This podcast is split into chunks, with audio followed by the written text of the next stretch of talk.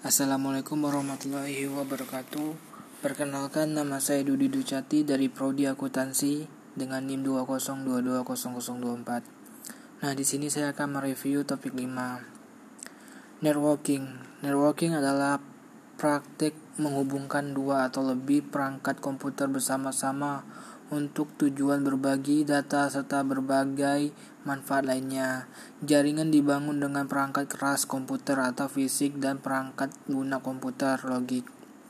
Networking sangat dibutuhkan terutama pada zaman yang semakin lama semakin canggih seperti zaman sekarang karena jaringan itu tentu sangat penting untuk berlangsungnya hubungan atau komunikasi antar komputer.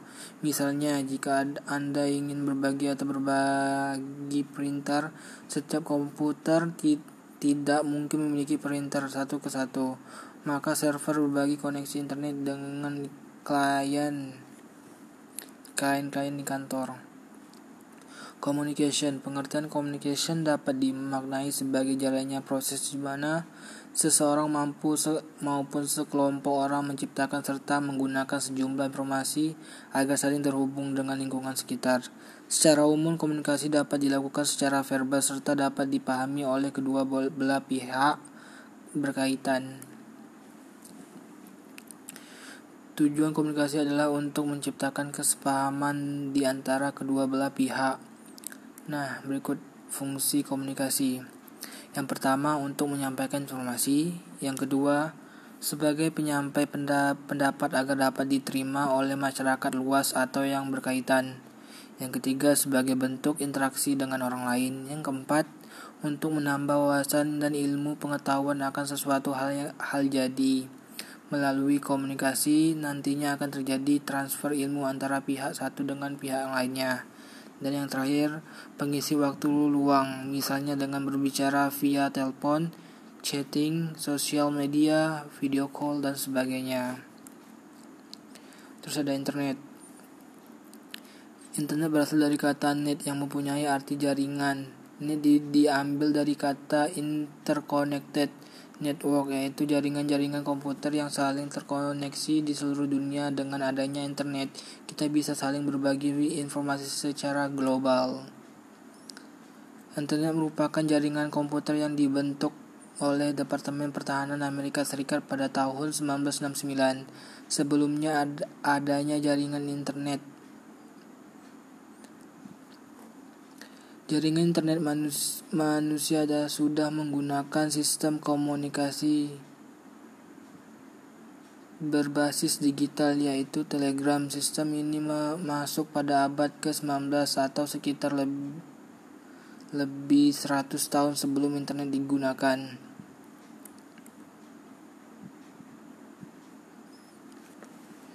Terus internet adalah jaringan komunikasi lokal atau terbatas yang dibuat menggunakan perangkat lunak World Wide Web.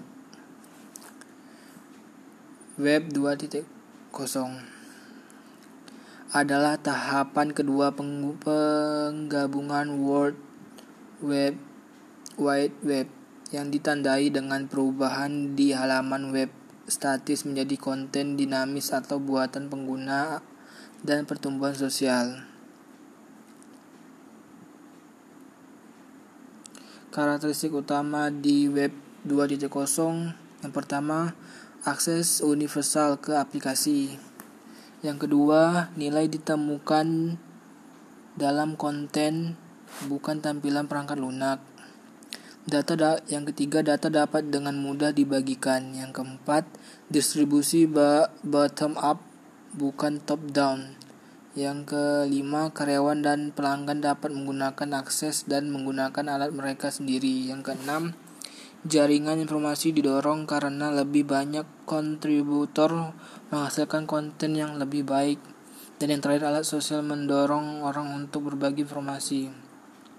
Terus ada Web 3.0. Nah, ini adalah generasi ketiga dari layanan internet berbasis web. Konsep Web 3.0 pertama kali diperkenalkan pada tahun pada tahun 2001 saat Tim Berners-Lee, penemu World Web Web, menulis sebuah artikel ilmiah yang menggambarkan Web 3.0 sebagai sebuah sarana bagi mesin untuk membaca halaman-halaman web. Hal ini berarti bahwa mesin akan memiliki kemampuan membaca web sama seperti yang manusia dapat dapat lakukan sekarang ini. Web 3.0 berhubungan dengan konsep web semantik yang memungkinkan isi web dinikmati tidak hanya dalam bahasa asli pengguna, tetapi juga dapat bentuk format yang bisa diakses oleh agen-agen software. Beberapa ahli bahkan menamai web 3.0 sebagai web semantik itu sendiri.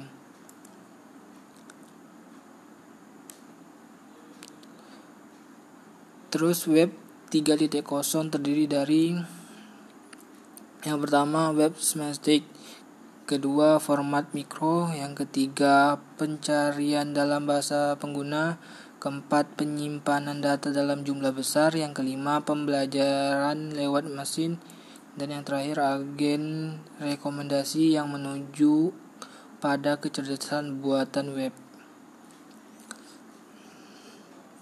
Terus Email adalah aplikasi pembunuh untuk internet. Nah, aplikasi pembunuh adalah penggunaan perangkat yang menjadi sangat penting sehingga banyak orang akan membeli perangkat hanya untuk menjalankan aplikasi itu. Aplikasi pembunuh untuk komputer pribadi adalah spreadsheet yang memungkinkan pengguna memasukkan data, menulis rumus dan dengan mudah membuat komputusan komputusan keputusan dengan diperkenalkan internet, muncullah aplikasi pembunuh lainnya, email.